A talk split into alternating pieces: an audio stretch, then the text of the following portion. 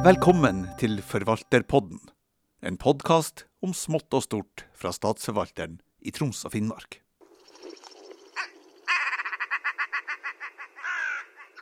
Hei, jeg heter Gøril Einarsen og er seksjonsleder på miljøavdeling og statsforvalteren i Troms og Finnmark. Og I dag så skal vi snakke om hvordan du kan være med på å endre motorferdselloven.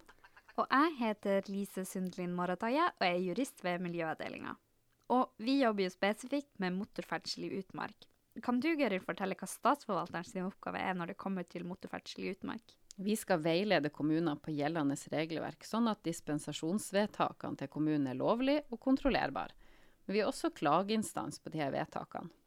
Vi veileder altså på gjeldende lovverk, men mange tror jo at vi i Statsforvalteren bestemmer loven. Og det gjør vi jo ikke. Statsforvalteren er jo utøvende makt og skal bare følge de lover som lages. Men Gøril, hvem er det nå egentlig som bestemmer lovene i dette landet, og hvem er det nå som har laga denne motorferdselloven vi har i dag? Det er jo Stortinget som bestemmer lovene, og på Stortinget så sitter de folkevalgte politikerne som befolkninga i landet har stemt fram. Og det er jo dem som bestemmer hvordan lovverket skal se ut. Og Lise, akkurat nå så sitter jo et utvalg og ser på en ny motorferdsellov. Kan du si litt eh, om det? Stortinget, altså politikerne, har bestemt at et utvalg skal gå igjennom dagens motorferdselslov. Utvalget skal ha fokus på økt selvstyre, redusert byråkrati og samtidig ta hensyn til natur og friluftsliv. Utvalget skal gå gjennom reglene i dagens lovverk og se om det er behov for en ny motorferdsellov. Det er jo veldig spennende at det utredes en ny motorferdsellov, og det er mange som har mening om denne loven. Men før vi snakker om en ny lov, så er det kanskje lurt å vite hva loven sier i dag. Kan du si litt om utgangspunktet for dagens eh? Utgangspunktet i motorferdselloven er at all motorferdsel i utmark er forbudt. Det tilsier jo at det egentlig ikke skulle være så mye kjøring i utmark, og det er kanskje litt rart med tanke på at vi har ganske mye motorferdsel i Troms og Finnmark. Og Gøril, Loven sier jo at all motorferdsel i utmark er forbudt. Men hva er nå egentlig utmark? Utmark, det er natur. Det kan være myrer du plukker bær på, krattene ryper gjemmer seg. Men det er også fjellet du har god utsikt fra, eller skogen du finner ly i. Og for dem som er interessert i fiske, så er utmark også vannet du fisker ørret fra, og lyngen du kan ta en pause i. Men det mange kanskje ikke vet, så er utmark også stier og traktorveier. Enkelt forklart er utmark det som ikke er innmark og vei. Og det er kanskje skillet mellom vei og natur som er uklart for mange. Men loven sier i hvert fall at dersom veien ikke er opparbeida til kjøring med vanlig bil, så er det utmark. Altså dersom det ikke er gjort noe fysisk med kjørestrekninga i form av opparbeidelse, så er det utmark. Men skillet mellom vei og utmark det må tolkes konkret i hvert enkelt tilfelle. Og er du usikker på om det er vei eller utmark, så bør du kontakte kommunen.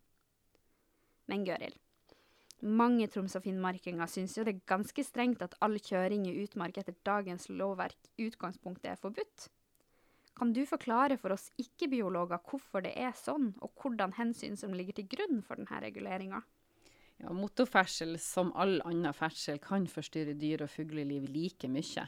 Den største forskjellen mellom ferdsel med og uten motor er at man med motor kan komme til områder folk vanligvis ikke har tilgang til fots.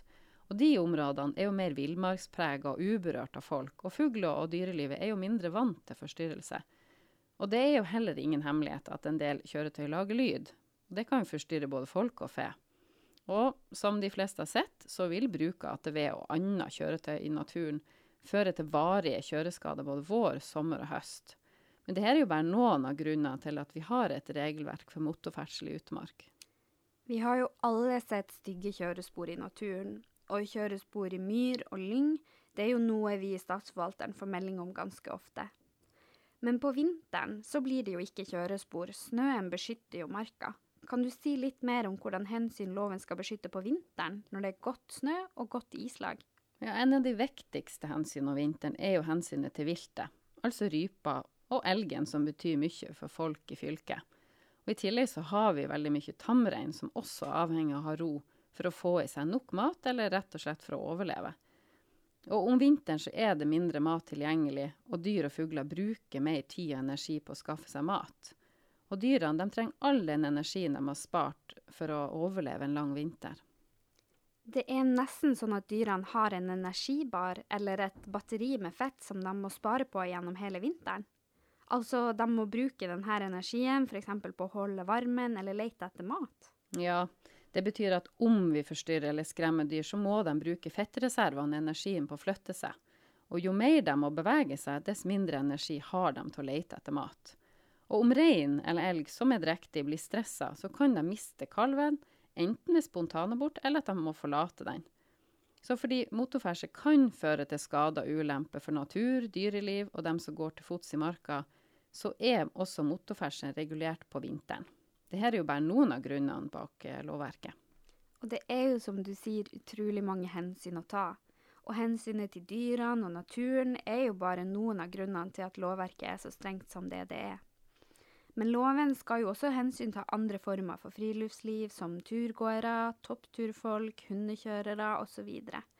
Loven skal også ivareta sikkerheten til folk, nesten på lik linje som trafikkreglene på veien. Reindrifta skal hensyntas, og kulturminner skal beskyttes. Derfor er jo hovedregelen per dags dato at motorferdsel i utmark er forbudt. Men selv om hovedregelen er at man ikke kan kjøre, så er det jo ganske mange unntak. I tidligere episoder så har vi snakka om snøscootertransport til hytte, barmarksløyper osv. Og vi har jo eh, noen andre unntak som er verdt å nevne når vi snakker om dagens regelverk. Ja, dagens regelverk har en hel rekke unntak, og det mest kjente unntaket som er verdt å nevne, er jo kanskje snøscooterløype. Og vi har jo faktisk flere tusen kilometer med snøscooterløype, men i dag er det faktisk ingen som har en nøyaktig tall på hvor mange kilometer sånne løyper vi har i Troms og Finnmark. Kommunene kan jo etter dagens regelverk lage mange snøscooterløyper, og vi har minimum 6500 km med snøscooterløyper i Finnmark alene. Det tilsvarer distansen fra Nordkapp til Beirut i Libanon. Det er veldig mye. Og mer snøscooterløyper kommer det. Men Gjøril, nå har vi snakka litt om utgangspunktet for dagens lovverk, hva som er utmark, og hva som er vei. Hvorfor det er så strengt, og noen unntak fra regelverket, som f.eks. snøscooterløyper som tillater motorferdsel. Kanskje vi også skal snakke litt om den nye loven som utredes? Det er jo som du sa i starten, satt ned utvalg som skal se på dagens motorferdselov. Og det her er jo en stor nyhet for alle som er uenig i regelverket. Og hvordan kan dem som er uenig i regelverket gå fram nå, Lise? Alle som vil, kan levere innspill til utvalget som ser på en ny lov. Dette gjelder privatpersoner, organisasjoner, foretak osv. Men det er verdt å nevne at innspillene som blir prioritert, er de som baserer seg på forskning eller har gode begrunnelser. Men eh, hvordan, hvordan, kan folk gi innspill, og, og er det noe frist? Innspillene gis digitalt via nettsida motorferdsellovutvalget.no. Og angående frist for innspill, så sier utvalget sjøl at innspill, innspillene bør gis før januar 2023. Ja, Da må folk huske på å gi innspill innen utgangen av 2022. Og nøkkelordet er gode, velbegrunna eller forskningsbaserte innspill. Jeg håper dere som hører på, sprer ordet videre. Det er ikke hvert år det utredes en ny motorferdselov. Det var det vi hadde, og vi håper dere som hørte på, ble litt klokere av denne episoden. Hør gjerne også våre andre episoder om barmarkskjøring og transport til hytte. Golahale, eller Vi høres, som det heter på norsk.